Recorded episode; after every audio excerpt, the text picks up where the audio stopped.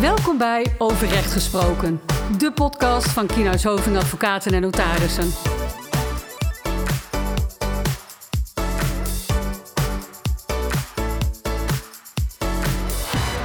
Zo, daar zitten we weer, Mark.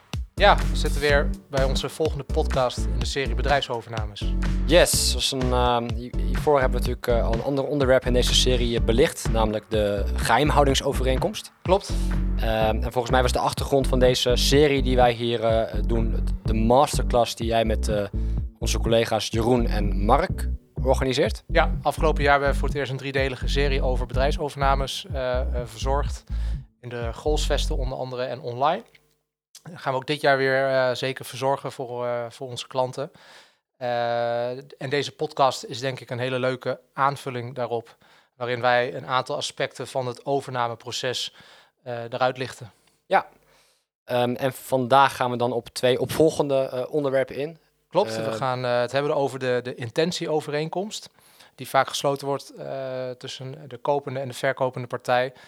Uh, en daarnaast gaan we uh, kijken naar het afbreken van onderhandelingen. Ja, want dat komt ook vaak voor als de partij er geen zin meer in heeft en zich terugtrekt. Ja, dat gebeurt heel vaak dat een van de partijen uh, toch van de overname wil afzien. Dat kan zowel de koper als de verkoper kan die afweging zelf maken. Ehm, dat kan soms tot teleurstelling leiden tot bij de andere partij, waardoor er ook soms een geschil ontstaat. Mm -hmm. En daar gaan we het ook even over hebben. Ja, en nou, om te beginnen bij het beginnen, die letter of intent. Ja, de intentieovereenkomst. De intentieovereenkomst. Wat, wat is dat? Ja, wat is het doel van de intentieovereenkomst? Dat is ook wel de vraag die wij uh, regelmatig krijgen. Waarom moet ik nou een intentieovereenkomst afsluiten? Kunnen we niet gelijk naar de definitieve overeenkomst gaan? Uh, dat kan natuurlijk. Uh, maar wij zien toch dat, dat de intentieovereenkomst, zeker in het overnameproces, uh, toch wel een heel faciliterend karakter kan hebben. Waarbij partijen eigenlijk de intentie uitspreken dat, uh, dat ze willen overgaan tot, uh, ja, tot een overname van, van, van, van de onderneming. Um, en soms zie je dat partijen zeggen van, nou ja, van wij, wij willen dat al, hè, we willen daar al definitieve afspraken die we al hebben, willen we daarin vastleggen. Soms zie je het ook dat het een, een, een ja, meer een, een, faciliterend, hè, meer weer een proces brief is waarin dan staat van, hè, van nou, welke onderhandelingen moeten we gaan voeren, welke stappen moeten we gaan zetten. Um, dus hè, dat, en soms zie je ook dat het een combinatie is uh, van beide. En nou, ik weet niet of jij vaak uh, met, met, met intentieovereenkomsten van, van hoe jij daar tegenaan kijkt, van wat vragen klanten dan aan jou vaak uh, daarover? Ja, ik kom er wel vaak mee in aanraking, maar het zijn ook wel relatief vaak documenten die in het voortraject al tussen partijen zelf eigenlijk zijn opgesteld. Ja, dus daarmee bedoel je eigenlijk dat wij als advocaten daar niet bij betrokken zijn geweest? Nou, dat, ik, ik heb dat nog niet heel vaak meegemaakt. Ik zeg niet dat het niet voorkomt. Maar het, het valt mij wel op dat het ook vaak documenten zijn die partijen zelf al uh, bijvoorbeeld met behulp van een financieel adviseur uh, hebben opgesteld. Uh, en waarin eigenlijk de, ja, toch een aantal veelal financiële aspecten van de transactie ook, ook vastliggen.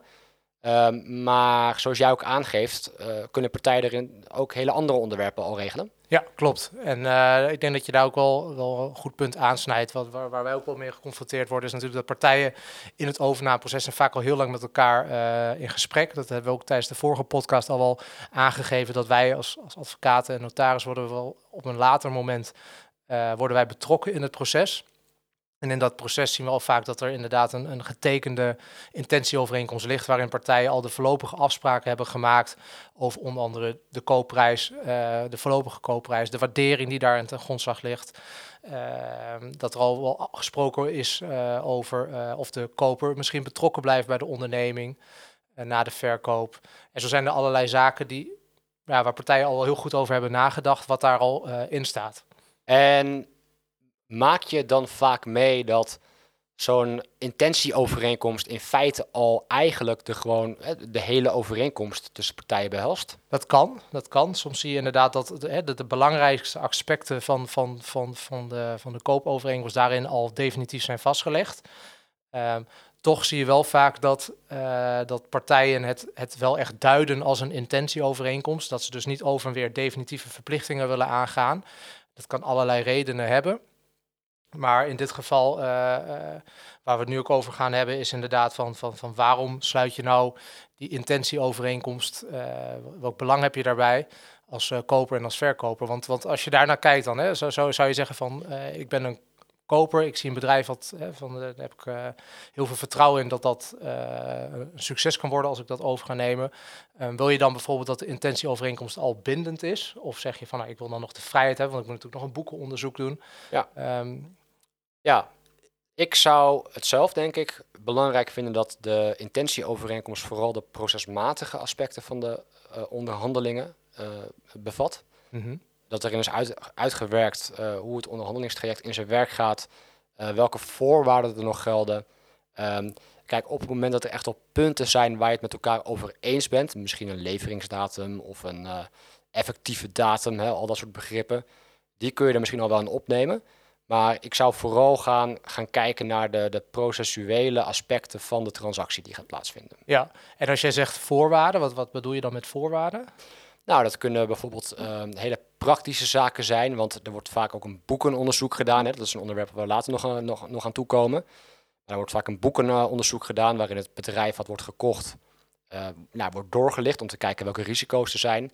Je wil bijvoorbeeld afspraken maken over nou ja, welke periode dat onderzoek omvat, welke aspecten er worden onderzocht. Je wil misschien iets opnemen over geschillen die zich kunnen voordoen tijdens het onderhandelingsproces. Hè. Welke, welke rechter is dan bevoegd? Je wil misschien nog iets opnemen over in welke gevallen je niet gehouden bent om uiteindelijk een definitieve overeenkomst te sluiten. Ja, want dat is natuurlijk uh, hè, van vaak toch, ik denk, ja, 9 van de 10 gevallen beoogt zo'n intentieovereenkomst. In ieder geval vanuit het oogpunt van de onderhandelaars vaak om ja, echt de voortgang van de onderhandelingen te faciliteren. En niet om een definitieve overeenkomst te sluiten. En dat schrijven partijen dan ook vaak expliciet op.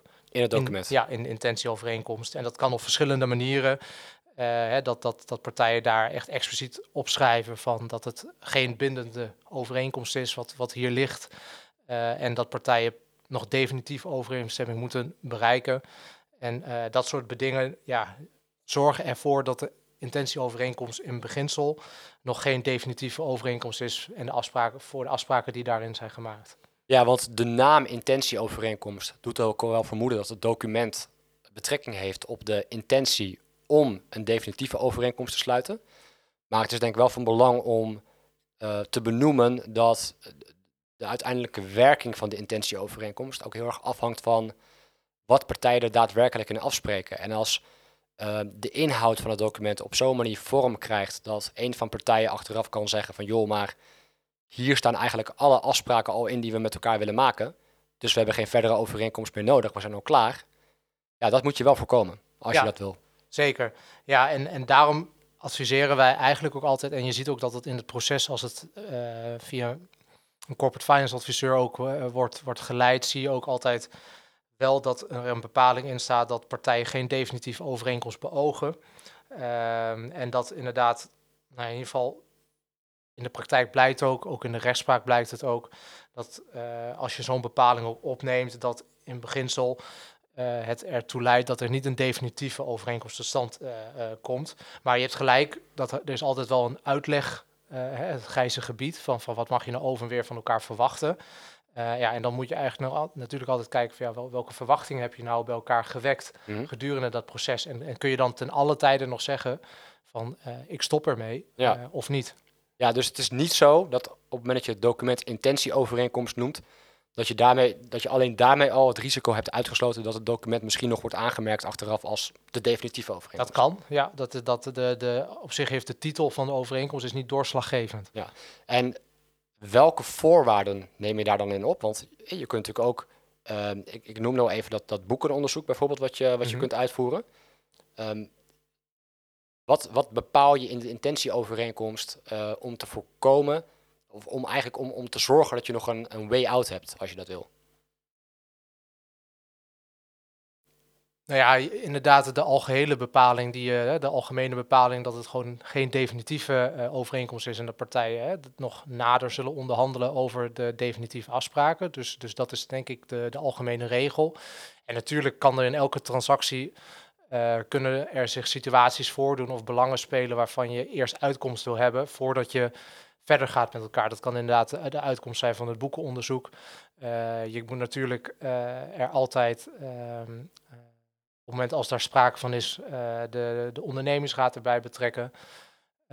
dat zijn allerlei voorwaarden die je ook daarin opneemt. Er kunnen andere toezichthouders kunnen er nog wat over vinden over de transactie.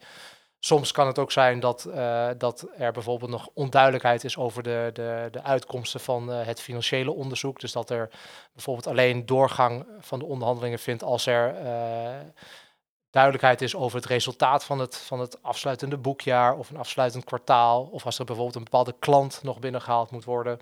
Dus er zijn er allerlei aspecten die een rol kunnen spelen. bij het onderhandelen van zo'n intentieovereenkomst die je kunt opnemen. Uh, en ook inderdaad als escape, zoals jij dat noemt, kunt gebruiken. Van, ja, van als, dat, als die situatie zich niet voordoet, of juist wel voordoet, dat je dan ja, zonder kleerscheuren ervan af kunt en dat je dan van elkaar afscheid kunt nemen. Ja, ja. En dat, dat afscheid nemen van elkaar, hè, dat is ook wel een, een, een, onderwerp wat je heel veel in de rechtspraak ziet terugkomen. Hè, dat partijen met elkaar aan het onderhandelen zijn. En dat op enig moment een van die partijen denkt van, nou ja, weet je wat, uh, ja, om welke reden dan ook, ik heb er eigenlijk geen zin meer in en ik trek mij terug. Ja, ja dat zijn natuurlijk wel beslissingen die, die wel overwogen vaak genomen worden, soms ook wel uit emotie. Um, maar je ziet wel vaak dat op het moment als, uh, als een koper of een verkoper ja, toch overweegt om de andere onderhandelingen stop te zetten, vaak voel je dat ook wel aankomen. Mm -hmm. ja, dat zie je dan toch in reacties of uh, dat, dat er dat toch nadere voorwaarden worden gesteld waarvan je weet, ja, daar kan de andere partij kan daar best wel veel moeite mee hebben.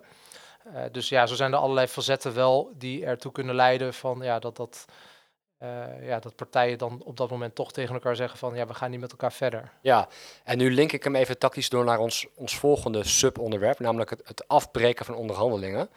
Want bij dat onderhandelingsproces um, moet de partij zich wel redelijk opstellen, uiteraard. Ja, dat klopt. is het uitgangspunt. Uiteraard. Uiteraard, uiteraard. De redelijkheid, daar houden we van. Um, ja.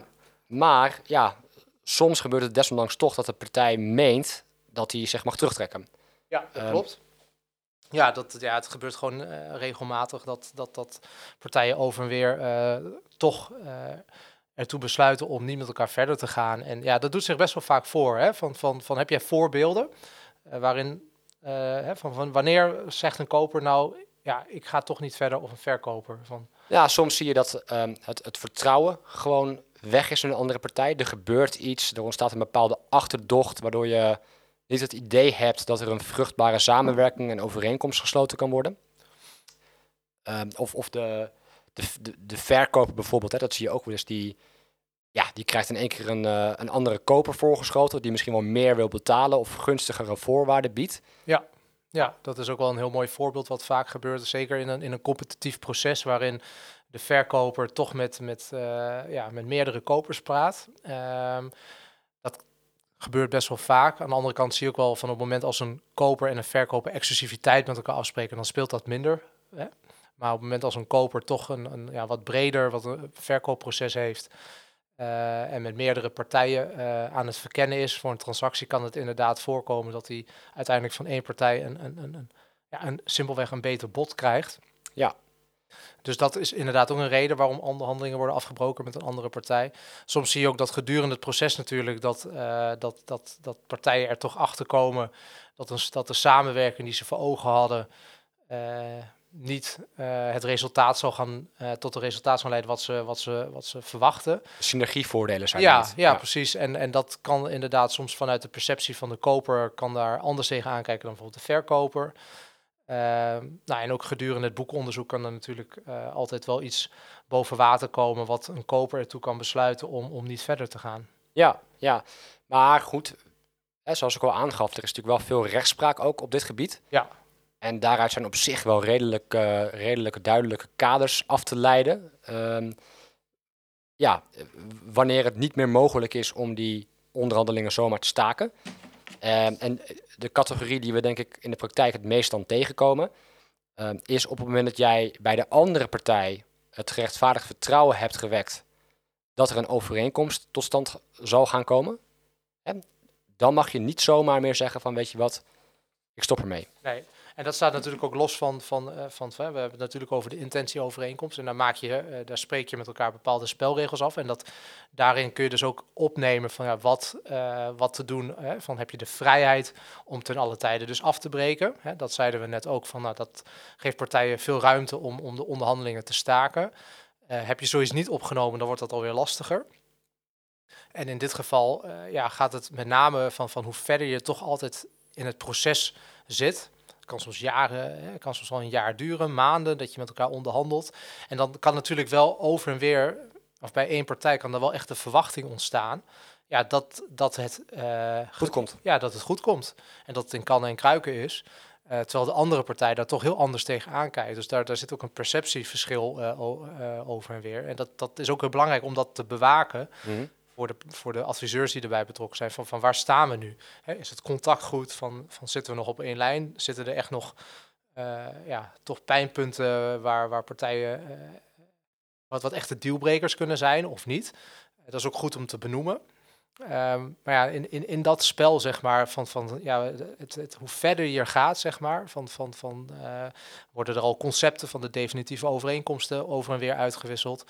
Uh, van, van, van, ja, van, zijn er steeds minder punten die nog besproken moeten worden, ja, dan, dan kom je in een steeds ja, ja. definitiever, definitievere fase. En dat is denk ik waar jij het ook over hebt. Uh, van, van, ja, dan, dan, dan ontstaat dat vertrouwen, denk ik wel. Ja, bijvoorbeeld als het ondertekenen van dat al definitief uitgewisselde concept alleen nog maar een formaliteit is, dan kun je je voorstellen dat dat zo'n moment kan zijn dat je niet meer kunt zeggen van ja, sorry, Um, er is nog niet getekend, dus ik trek uh, nu uh, de stekker eruit. Ja, dat klopt. Dat, uh, dat, dat, dan, dan heb je het echt al over definitieve concepten.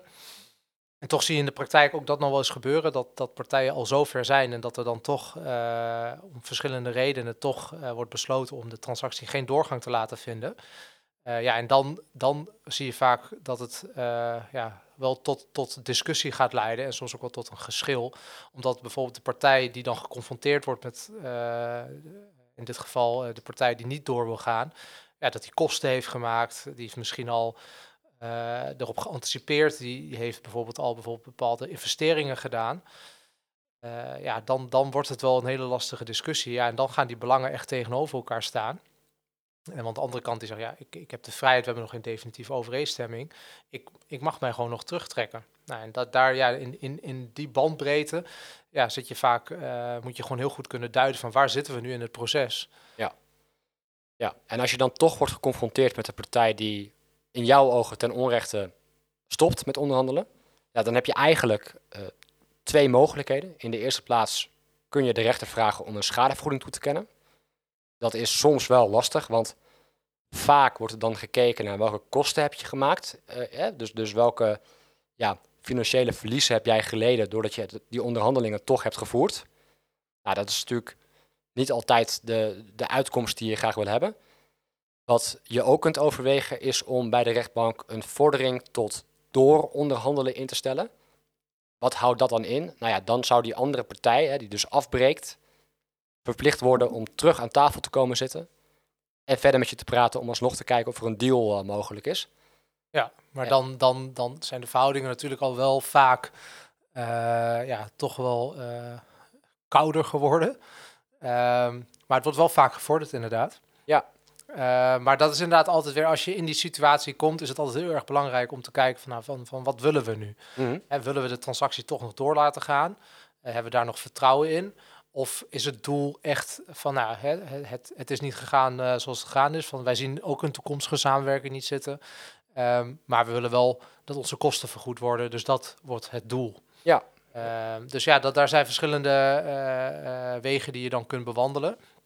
En ja, in de rechtspraak zie je toch wel dat de drempel wel heel hoog ligt, toch? Om voor de schadevergoeding. Ja, en ook, en ook voor het, het, het het verwachten dat er een definitieve overeenstemming is. Of ja. althans dat er uh, ja. het vertrouwen dat het er mocht zijn dat die ja. tot stand zou komen. Ja, het is een, een, een, een, een, een, een toets die de rechter heel terughoudend moet toepassen. Dus die zal er niet snel van uitgaan dat er al sprake is misschien van een definitieve overeenkomst. Hè? Dat, dat er op alle partijen al wilsovereenstemming bereikt is. Nee. Dat, nee. Uh, ja. Nee, dus dat, dat, dat, dat is denk ik ook wel eh, belangrijk om dat altijd denk ik in het achterhoofd te houden. Eh, dat eh, hè, partijen zijn, die zijn leidend, er is contractsvrijheid. En op het moment als, ja, als jij vindt dat de andere partij, hè, dat, er, dat er overeenstemming is, of dat de partij... Het eens zijn over de essentiële punten in de overeenkomst. Ja, ja. Dan, dan, dan moet je echt dat wel heel duidelijk kunnen aantonen. En dan moet dat ook eigenlijk wel grotendeels vastliggen uh, in de concepten die je dan over en weer met elkaar hebt uitgewisseld. Dus dat, uh, ja, het, is, het is wel een, een, een belangrijk aspect om dat altijd gedurende het proces ja, uh, goed voor ogen te houden. Van, van zitten partijen nog met elkaar op één lijn? En ook op het moment als, als, het, als de klant bij je komt van ja, ik, ik, ik zit toch te na te denken dat ik de deal toch niet wil doen, dat je dan ja, dat proces ook goed begeleidt. Uh, om dan in ieder geval ervoor te zorgen dat, uh, ja, dat het dan niet als een, ja, als een verrassing komt. En dat je dan ook wel uh, ja, in het proces duidelijk laat blijken dat, ja, dat er toch onvolkomenheden zijn om, om tot een deal te komen. Ja, dus eigenlijk is het heel belangrijk om verwachtingen goed te managen. en, en de communicatie open en eerlijk te houden. En op ja. die manier kun je voorkomen dat er ja, discrepanties in de verwachtingen ontstaan en partijen tegenover elkaar op een verkeerde manier komen te staan. Ja, ja dat zeker. En uh, misschien even terugkomend ook uh, van als we dit, dit verhaal toch ook weer wat gaan resumeren naar van, van hoe kun je dat nou, wat voor tips en tricks heb je hier nou voor om, om dit soort ja, situaties te voorkomen. Um, dan kom ik toch wel weer even terug op de intentieovereenkomst waar we het net over hadden. Kijk, daar kun je natuurlijk wel allerlei aspecten in opnemen om ervoor te zorgen uh, dat, dat je om, deze situatie te voorkomen. Dus je kunt inderdaad afspraken maken dat bijvoorbeeld een partij ten alle tijden mag afbreken. Uh, en dat dat niet zal leiden tot schadevergoeding. Dat geeft nog steeds niet tot gevolg dat, dat je daarmee absoluut van de haak bent. Van, we hadden het net over van het vertrouwen kan wel dermate uh, gewekt zijn dat je toch overeenstemming hebt.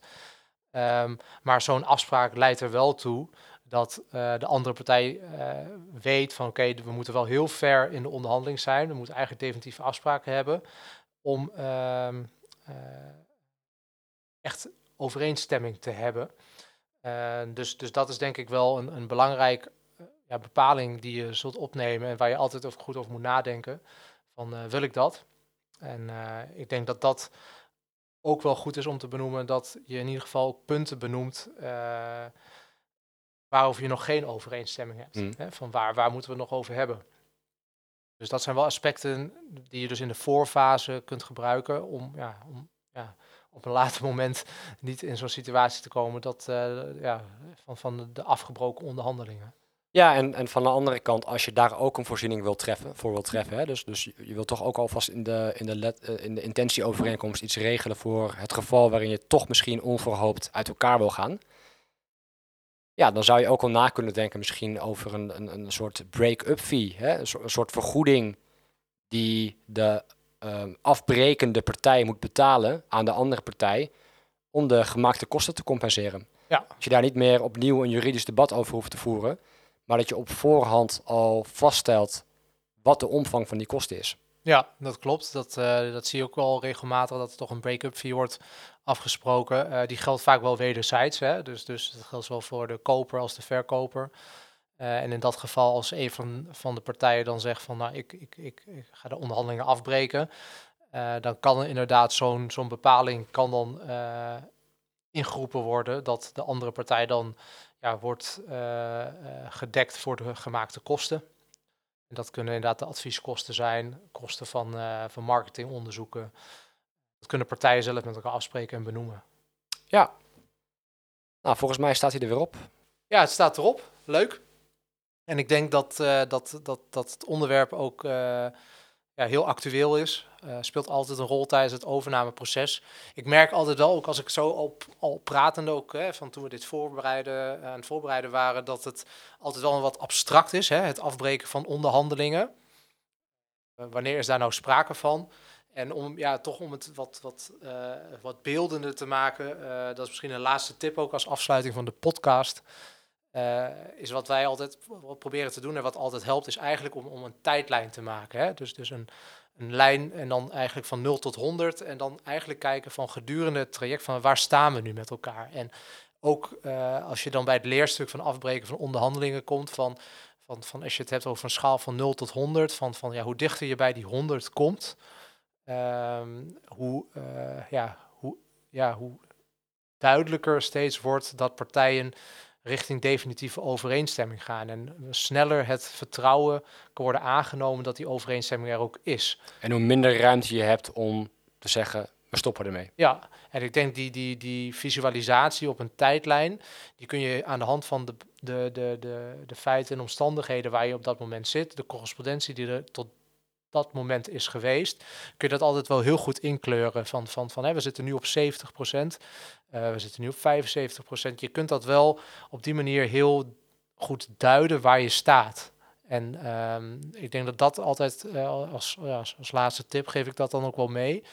Uh, om, om, om dat gedurende het proces gewoon ook bij te houden. Van waar staan we nu? Af en toe een keer weer even terug, een stapje terugzetten van... oké, we hebben nu net deze afspraken gemaakt. We hebben nu net deze conceptovereenkomst met elkaar uitgewisseld. Waar staan we nu? Ja, hoeveel punten staan er nog open? Ja. ja. ja. Ik denk dat dat een goede tip is, uh, wat, wat zeker helpt. Uh, en dat is soms heel erg lastig in de dynamiek van het proces, omdat het vaak heel snel moet. Uh, korte deadlines, maar toch is, is zo'n stapje terug altijd wel heel behulpzaam. zeker als, er, ja, als toch blijkt dat partijen ja, over en weer verschillende verwachtingen hebben. Ja, nou, dat lijkt mij een mooie afsluiter. Zeker, is goed. En ik denk dat, uh, dat we dan ook uh, dit onderwerp kunnen afsluiten en dat we dan van daaruit uh, weer verder gaan naar, naar het volgende onderwerp. Het boekenonderzoek. Ja, zeker weten. Daar gaan we de volgende podcastserie over hebben. En daar hadden we het natuurlijk al even over tijdens, tijdens deze podcast, dat het boekenonderzoek, het due diligence, loopt natuurlijk altijd parallel na het sluiten van de intentieovereenkomst. Uh, en de onderhandelingen die worden gevoerd. En uh, ik denk daar spelen ook heel veel juridische uh, haken en ogen. En daar kunnen we ook een leuke podcast weer over opnemen en onze luisteraars wat over vertellen. Zeker. Nou, ik zou eigenlijk zeggen tot zover bedankt voor het luisteren. Ja, leuk. Leuk. En nou, we komen snel weer met een vervolg. Zeker weten. Dit was Overrecht Gesproken, de podcast van Kina Soving. Heb je vragen of wil je meer informatie? Stuur dan een e-mail naar podcast.kienhuishoving.nl Wil je niets missen?